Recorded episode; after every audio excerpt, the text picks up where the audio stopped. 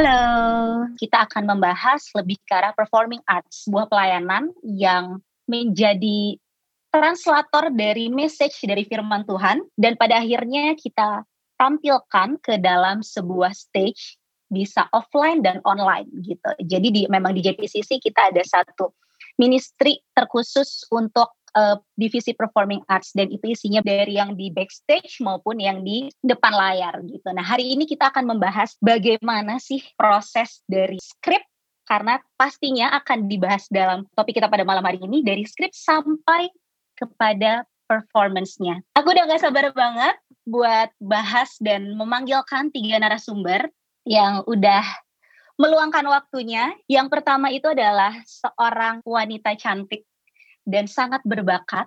Beliau ini adalah seorang ibu yang bekerja sebagai karyawan dan freelancer untuk menulis skenario. Dan juga dia bergabung ke dalam JPCC Performing Arts sebagai scriptwriter plus dancer juga. Jadi luar biasa ya. Jadi nggak cuma nulis yang di belakang layar, tapi juga dia perform as a dancer juga. Ini dia Beta Ingrid Ayu atau biasa kita sapa atau biasa kita panggil dengan sebutan Beta. Halo. Halo. Halo Beta. Halo, wow, cantik sekali, seger banget rumahnya. Seger, abis mandi Bagaimana?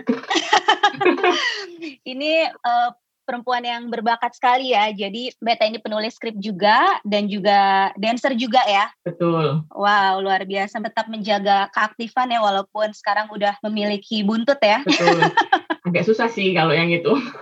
Gak susah ya. Oke. Okay. Ngomong-ngomong Beta udah join di Performing Arts sejak tahun berapa nih? 2014. 2014. Wow, tujuh tahun ya? Ya, tujuh tahun. Ya, tujuh tahun. Luar, pasti banyak banget yang bisa di-share ya buat para peserta pada malam hari ini terutama yang sangat tertarik di bidang script writing dan performing arts. Oke, okay.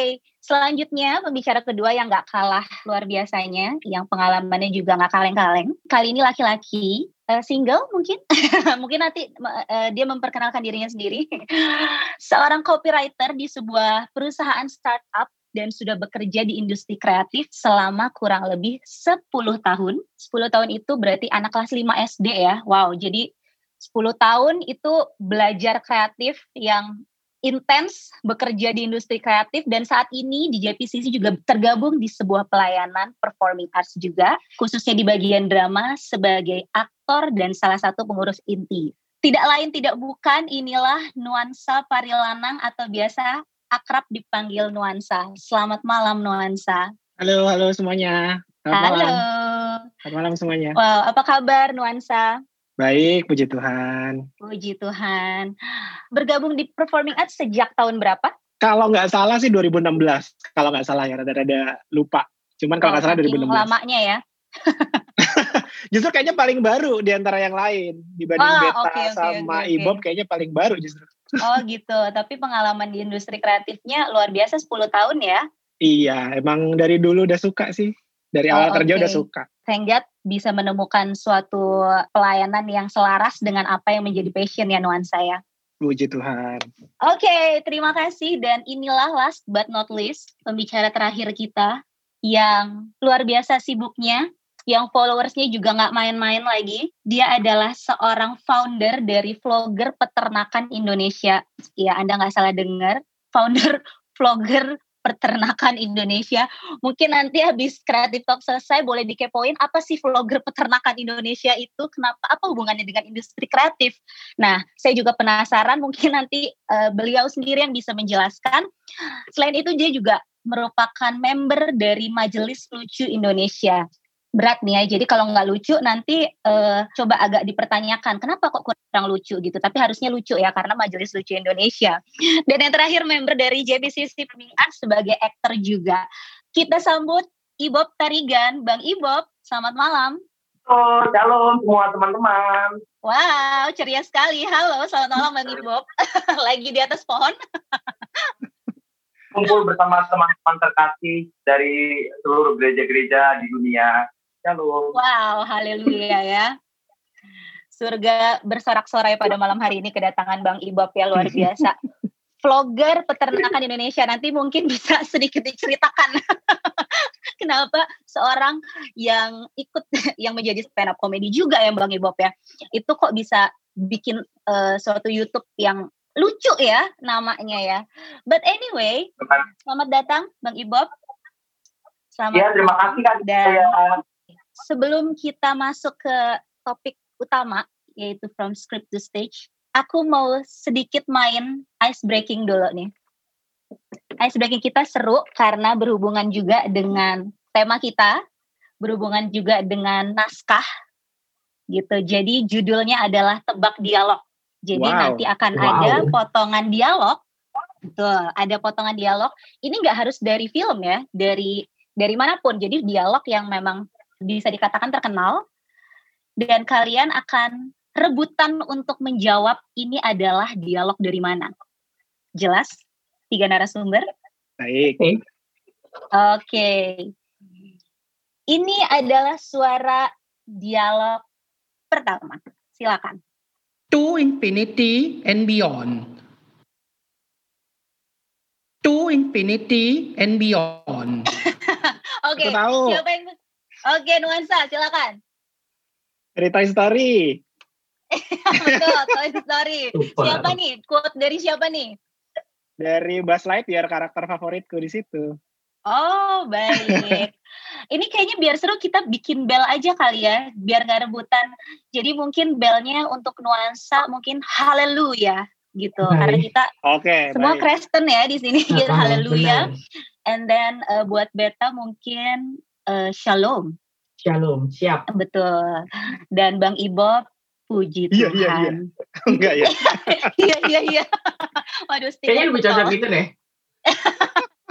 Mau Bang, Bang Ibob satu-satunya yang nggak rohana ini. Nanti, iya, iya, iya. Tapi harus agak angkat bahu sedikit. Oke, okay.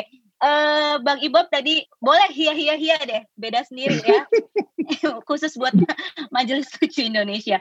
Oke, okay, inilah uh, semuanya di mute dulu biar fair nih. Oke. Okay. Inilah dialog yang kedua. If you let my daughter go now, that'll be the end of it. I will not look for you. I will not pursue you. But if you don't, I will look for you. I will find you. And I will kill you. Haleluya. Oke, okay, nuansa lagi. Tolong agak dipendam ya. Memberi kesempatan kepada yang lain. Kayaknya bikin soal, yang bikin soal kayaknya nuansa. Jadi aku yang bikin soal ya. Mungkin. Jadi ini, ini kok sebenarnya bikin soal tapi jawab sendiri. Oke, okay, baik. Nuansa silakan dari siapa? Dari uh, dari potongan dialog dari mana ini? Kayaknya film Taken ya. Si Liam Neeson ya. Ya nggak sih? Ya kan? Wah, nggak salah kita memang pilih pembicara kita ya luar biasa hmm. loh. Ini uh, apa namanya pesertanya pada tahu juga atau mungkin banyak yang nggak tahu tapi di sini memang ya nggak malu-maluin lah ya uh, speakernya berpengetahuan luar biasa. Oke, okay. boleh di mute lagi kita lanjut ke dialog ketiga. Dialog ketiga siap-siap. Inilah dialog ketiga. Di manakah dia? Raja orang Yahudi yang baru dilahirkan itu. Kami telah melihat bintangnya di timur dan kami datang untuk menyembah dia. Nah, tadi kan dari. Oke, Bang Ibob tadi kan silakan Bang Ibob. Ini kalau kapal gereja. Orang cahaya nggak sih? Iya uh, mohon maaf bukan yang ditanya bukan suara siapa ini ya. Tapi ini ini itu dari mana nih? Dari siapa yang mengucapkan bang Ibo? Dia siapa yang mengucapkan dialog ini? Oh ma malaikat. Karena kamu tahu saya jadi malaikat kan Bob? Uh, uh, ya uh, lumayan lumayan salah ya Oke, lumayan salah ya. Lumayan salah. Uh, mungkin dua. Bukan ya jawabannya. Bukan, bukan. Ya? bukan. Sekali oh, lagi mungkin, mungkin sekali lagi. Waduh, ya, ada yang spoiler tuh. Udah, okay, udah di spoiler jawabannya itu ya. Baik ya, pemirsa. attendees-nya baik banget memang. malaikat gitu. Oke, nggak apa-apa. Uh, Bang Ibob mungkin diseringin lagi aja baca Alkitab ya, jangan cuma. mungkin Bang Ibob kalau Natalan JPCC lebih sering datang Bang Ibob ya, jangan terlalu sibuk-sibuk banget ya Bang Ibob. ya mungkin bisa diluangkan waktu untuk ibadah ya. Oke, okay. uh, eh, ini sebenarnya lumayan twist ya karena dari dari film tiba-tiba uh, masuk ke Alkitab. Untung nggak disebut suruh sebutin ayatnya kan. Oke, okay. nextnya adalah uh, dialog keempat. Silakan. Akulah jalan dan kebenaran dan hidup. Tidak ada seorang pun yang datang kepada Bapa kalau tidak melalui aku. Ya, ya, ya, ya, ya. ya. Oke, pantang menyerah Bang Ibu, silakan dijawab. Siapa kira-kira yang mengucapkan dialog tersebut? Yesus dari Nazaret. Yesus dari Nazaret. Baik, di umur berapa kira-kira Yesus mengucapkan? Waduh. Nggak bercanda-bercanda. Betul sekali Yesus. Uh, keinget gak adegannya Yesus lagi ngapain sih waktu ngomong ini Bang Ibu? Uh, lagi khotbah di atas bukit Oke, lumayan salah ya. Yesusnya udah mungkin memang PR-nya untuk Bang Ibam lebih sering baca firman Tuhan lagi. Gak apa-apa, tapi udah bener Yesusnya sih udah bener ya. Dapat poin setengah deh. yang benar adalah Yesus di perjamuan malam terakhir bersama para murid. Dan ada yang tahu ayatnya di mana? Oh, iya. Ini perjamuan malam. Oh.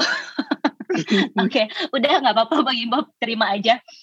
Itu ada di Yohanes 14 ayat 6. Mungkin bisa dibaca ya setelah ini. Baik, nah, nextnya, yang kelima silakan. Rangga, yang kamu lakukan ke saya itu jahat. Haleluya. Haleluya. Aduh. Ini laki-lakinya lumayan kompetitif ya. Itu Benar. Nuansa kayaknya kalau uh, firman Tuhan nggak pernah jawab, kalau film jawab terus iya. ya. Oke, okay, kalau Pak silakan. Lebih sering nonton film daripada baca Alkitab kebetulan. Waduh. Jangan terlalu jujur di sini, bukan, boleh? Bukan rahasia. silakan. Uh, cinta di ada apa okay. dengan cinta yang kedua? uh, uh, yang memerankan uh, Dian Sastro dong. Oke, okay, nggak ada yang nggak tahu kalau itu ya. Terima kasih buat seluruh jawabannya, walaupun nggak semua benar ya, terutama yang bagian firman Tuhan ya. Uh, mohon agak diperbaiki, ditingkatkan ya. teman-teman uh, speaker. Terima kasih buat ice breakingnya yang mempersiapkan juga panitia. Thank you. So fun. Nah, sekarang kita masuk ke dalam topik kita yang sebenarnya from script to stage. Menarik ya. Nah, ketika kita bicara tentang script dan stage, script itu merupakan sebuah output yang kita bisa lihat lah ibaratnya adalah sebuah hasil yang kita bisa baca, bisa lihat gitu, bisa pelajari. Nah, tapi kalau kita ngomongin soal script, pasti tidak bisa terlepas dari yang namanya ide, dari yang namanya ideation, brainstorming, dan lain sebagainya. Nggak mungkin tiba-tiba uh, jeger ada skrip tanpa ada pemikiran tentang ide terlebih dahulu. Betul ya? Jadi yang pada malam hari ini akan kita bahas adalah bagaimana sebuah ide itu dituangkan ke dalam bentuk skrip yang pada akhirnya akan dipertontonkan atau dipertunjukkan ke dalam sebuah stage baik itu offline maupun online gitu. Nah, tiga orang pembicara ini akan membahas jadi uh, kita punya scriptwriter, kita punya dua orang juga dari industri kreatif yang udah pengalamannya luar biasa. Nah, aku mau nanya nih, kalau misalnya memang skrip itu tidak bisa terlepas dari ideation atau kreativitas dalam membuat sebuah ide. Aku mau nanya untuk ketiga-tiganya deh. Sebenarnya menurut kalian definisi sebuah ide yang baik itu seperti apa sih? Mungkin bisa nuansa dulu? Hmm, Oke, okay kalau buat aku ini buat aku hmm. pribadi ya uh, ya. dari pengalamanku sendiri setelah lama gitu bekerja di industri kreatif ide yang baik itu selalu terdiri dari dua hal kalau buat aku mm-hmm. yang pertama ide itu harus bisa membuat orang yang mendengarnya itu bereaksi ih kalau kepikiran sih ide itu jadi ide yang cukup berbeda dengan ide-ide lain yang kebanyakan gitu Sehingga ketika orang itu mendengar ide yang disampaikan tuh reaksinya adalah, wih, bisa kepikiran ya, gitu. Karena kalau idenya itu biasa aja, gitu, atau idenya nggak terlalu baik, itu biasanya ide yang sudah sering digunakan, uh, dipikirkan semua orang, dan impact-nya biasanya nggak terlalu besar, gitu, untuk orang yang mendengarnya. Itu pertama. Hmm. Jadi ide yang cukup berbeda dan apa namanya nggak dipikirkan oleh banyak orang gitu. Yang kedua, ide yang baik itu menurutku adalah ide yang bisa memecahkan masalah gitu. Jadi nggak cuman idenya itu berbeda eh, dan nggak dipikirin oleh banyak orang, ide itu sendiri harus bisa memecahkan masalah gitu. Adalah percuma sebuah ide keren, heboh, fantastis, berbeda, unik dan lain sebagainya kalau ide itu tidak memecahkan masalah yang ada gitu. Dalam konteks ini kan mungkin ini ya penampilan gitu, performing arts. Masalah atau objektif yang ada itu adalah menyampaikan pesan firman Tuhan pastinya gitu. Hmm. Uh, setiap kali kita menampilkan penampilan kita mau menyampaikan pesan firman Tuhan. Jadi ide yang baik itu adalah ide yang berbeda dan unik dan gak dipikirin oleh banyak orang. Dan yang kedua adalah ide yang bisa menyampaikan firman Tuhan yang ingin disampaikan dengan baik gitu. Kalau misalnya ide itu memenuhi dua syarat tadi, aku rasa itu bisa dibilang sebagai ide yang baik sih. Gitu. Oke, okay, wow. Jadi uh, kalau aku singkat mungkin yang kedua lebih ke arah ide memiliki visi kali ya. Jadi ya. tahu goalsnya apa sih? Kenapa kita hmm. bikin ide ini? Menjawab dari permasalahan apa nih yang mau kita bawa. Jadi menjadi solusi seperti itu ya. Betul. Dan yang pertama berbeda, jadi harus ada kayak shocking powernya nih ketika orang dengar. -hmm. Oke. Okay. Next mungkin Bang Ibob, menurut Bang Ibob apa nih? buat aku ide yang baik adalah ide yang dieksekusi kak. Oh, wow, oke. Okay. Karena kalau ide yang tidak dieksekusi itu sama seperti iman tanpa perbuatan. Wow. Waduh. ini, mungkin, ini mungkin semacam re, apa revenge ya balas dendam dari ice breaking yang tadi. Aku okay, rohani nice. loh kata Kak Ibu. Maksudnya tadi dengan jawaban tadi. Yang dieksekusi. Oke. Okay karena ide itu bertebaran di mana-mana kan gitu jadi kayak di mana-mana aja ada ide kayak satu satu orang bisa memiliki ide yang sama terus lu nggak eksekusi lu cuma duduk-duduk di rumah terus kayak ada orang yang mengeksekusi ide lu eh gua kan udah kepikiran itu dulu ya duluan dia yeah. kan banyak kayak gitu ya gua mau udah kepikiran itu dari 10 tahun yang lalu maaf permisi apakah bapak mengeksekusinya atau tidak gitu wow. jadi jadi tidak mereka tidak berhutang apa-apa. Jadi kalau dibilang wah dia nyuri ide gua tuh gitu. Ya tetap yang dilihat adalah siapa yang mengeksekusinya duluan gitu. Jadi okay. ide yang baik gua adalah ide yang apa pun itu. Oke, okay. ide yang memiliki output ya. Jadi nggak cuma sekedar ide, tapi ada hasil akhirnya. Gitu. Ya, at the end ada resultnya dan bisa dibuktikan. Jadi sebagus apa pun ide kalau misalnya memang tidak dieksekusi ya itu hanya sebuah ide yang oh. yang tidak terukur. Berapapun besar imannya kalau dia tidak melakukannya saya tahu. Haleluya, mari kita berdoa bersama. Kayak kalimat itu udah merangkul kreatif top hari ini. Iya. Terima kasih. Okay, kayaknya Kayak pamit dulu. Langsung aja dibuka sesi Q&A ya dari para peserta yang ada mungkin kayaknya udah nggak nggak lama-lama deh kita kreatif talknya ya udah luar biasa ini pembukaan aja langsung so powerful ya. Oke okay, terakhir Ibu Beta sebagai penulis skrip dari pandangan penulis skrip seperti apa sih? Kalau menurut aku pribadi sih setuju sama nuansa sama Ipop ide yang baik itu adalah ide yang fresh yang pasti. Jadi mirip sih sama nuansa tadi bilang kan kayak uh, belum pernah ada, terus kayak sesuatu yang menarik gitu. Jadi fresh.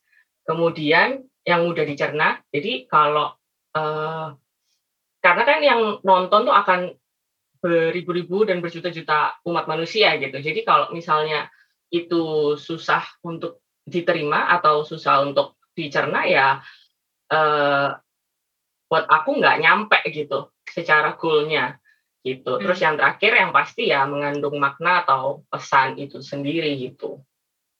Gitu. Okay. Jadi mungkin kalau Beta ngelihatnya da, lebih dari konteks gereja ya. Jadi harus ada message-nya yang disampaikan, harus ada value atau harus ada bobotnya nih. Ya. Terima kasih buat jawaban-jawabannya luar biasa ya. Jadi ide yang baik ada ide yang berbeda yang bisa membuat orang itu ada culture shocknya nih. Kayak wow, ada ada shocking powernya. Lalu tidak hanya sekedar bikin orang kaget tapi juga dieksekusi dan pada akhirnya untuk konteks gereja itu ide yang mengandung makna atau value. Nah, setelah kita udah tahu nih pandangan dan definisi tentang ide yang baik itu seperti apa aku mau nanya untuk next questionnya adalah gimana sih biasanya cara mendapatkan ide yang baik, yang kreatif, yang bisa menyampaikan pesan tadi seperti yang Beta bilang, dan yang mudah dimengerti juga karena audiensnya sangat beragam, khususnya dalam sebuah pertunjukan performing arts gereja. Jadi prosesnya itu biasanya seperti apa sih? Mungkin balik ke nuansa lagi? Oke, proses penciptaan ide itu bisa dari mana pun kalau menurutku. Jadi startnya bisa dari message-nya dulu, startnya bisa dari uh, bentuknya dulu seperti apa. Jadi bisa dari mana pun sih gitu. Cuman uh, kalau dari aku pribadi biasanya hmm. untuk bisa ngedapetin ide yang baik itu salah satu faktor penting yang yang mungkin orang eh, nggak uh, banyak lakukan itu adalah peka peka sama banyak hmm. hal gitu peka sama keadaan sekitar kita gitu keadaan sekitar tuh kayak apa sih yang lagi dihadapin tantangan-tantangan yang lagi dihadapin banyak orang saat ini gitu misalnya. Gitu itu kita harus tahu. Atau kayak apa sih tren yang lagi rame saat ini gitu. Karena kan kita mau ngomongin apa being relevant ya being relevant sama mm-hmm. jemaat kita gitu. Mm-hmm. jadi kita harus tahu tuh hal-hal apa sih yang lagi disukain hari-hari ini gitu. Peka akan hal-hal itu juga mungkin peka akan suara Tuhan gitu peka akan suara Tuhan. Jadi kayak apa sih message yang mau Tuhan sampaikan lewat penampilan ini gitu. Kita bisa tahu lewat berdoa bisa lewat membaca firman Tuhan gitu. Jadi kepekaan itu tuh harus dilatih supaya kita bisa mendapatkan semacam amunisi hmm. untuk mengolahnya menjadi sebuah penampilan yang baik gitu karena hal-hal yang tadi kayak aku bilang tuh permasalahan yang terjadi, current issue, hal yang lagi populer, suara Tuhan dan lain sebagainya itu semacam bahan baku buat aku, semacam bahan baku untuk hmm. kita bisa hmm. uh, menampilkan penampilan yang yang baik gitu.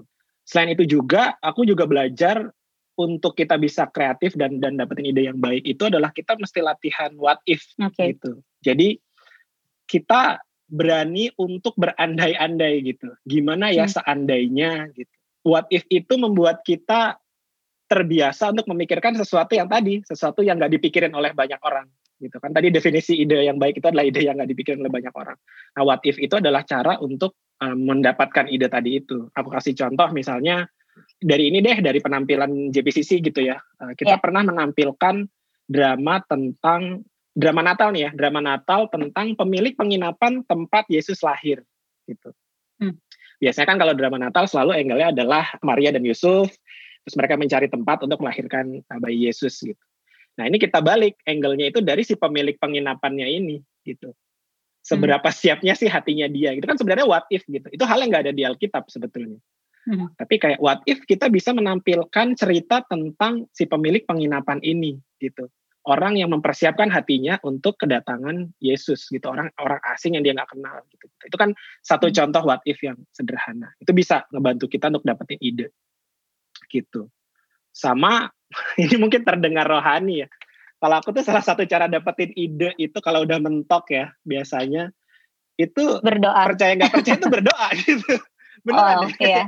mungkin terdengar kayak wah gila dia rohani banget atau apa segala macam. Tapi enggak loh kayak hmm. ketika baik di kerjaan maupun di pelayanan gitu ya aduh uh, apa namanya butuh ide nih gitu. Tapi kayak aduh apa ya ini udah pernah itu udah pernah. Aduh ini kayaknya idenya biasa aduh ini kayak idenya umum gitu. Nah aku berdoa matanya sama Tuhan gitu Tuhan aku lagi mentok nih gitu. Apa ya kira-kira yang Tuhan mau uh, aku buat gitu lewat lewat ide yang aku mau sampaikan. Somehow kayak datang aja idenya gitu. Hmm. somehow kayak ada aja gitu. Uh, tiba-tiba kayak cling cling cling keluar gitu emang terdengar sangat spiritual dan sangat rohani tapi itu benar-benar aku alamin sih gitu. oke okay. benar-benar pengalaman pribadi gitu itu sih beberapa tips dari aku ya untuk dapetin ide proses men, uh, pencarian sebuah ide ya mm-hmm. luar biasa banget terutama jawaban yang terakhir ya, karena uh, kita semua pasti pasti percaya bahwa kreativitas itu datangnya dari yang maha kuasa yang pencipta kita yang luar biasa kreatif dari Tuhan Yesus ya. Jadi uh, terlepas dari segala usaha kita, pada akhirnya kita tetap harus berserah dan bertanya kepada Tuhan, apa sih sebenarnya suara Tuhan yang mau dia sampaikan melalui kita, seperti itu ya. Ya. Dan what if bisa nggak aku bilang kalau kita kalau pas cari ide kayak anak-anak aja semuanya ditanyain semuanya dipikirin imajinasi kita jangan dibatasi. Seperti itu?